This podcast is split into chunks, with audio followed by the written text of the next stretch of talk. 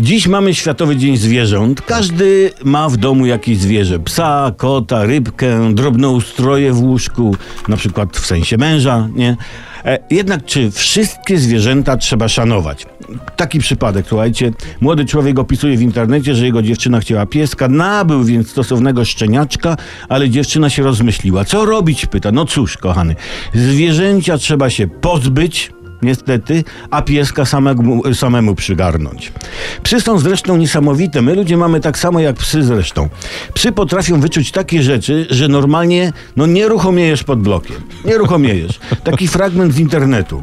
Zdaniem łowców duchów Psy są w stanie zobaczyć coś, czego nie rejestruje ludzkie oko. Podobno zdarza się, że podczas paranormalnych śledztw w nawiedzonych domach psy wpatrują się w jeden punkt, w którym z pozoru nic się nie dzieje. Gdy jednak odtworzy się tę scenę na nagraniu wideo w zwolnionym tempie, okazuje się, że faktycznie coś tam było. I podobnie ludzie, no bo pa, bierzesz rano po jakiejś imprezie, Albo kiedy wieczorem po zakupach portfel patrzysz się nieruchomo do wnętrza portfela i nie rejestrujesz pieniędzy. Nic nie rejestrujesz. Kiedy jednak wmyślasz, odtworzysz sobie w zwolnionym tempie, co się działo, to okazuje się, że kiedyś coś w portfelu było. Było.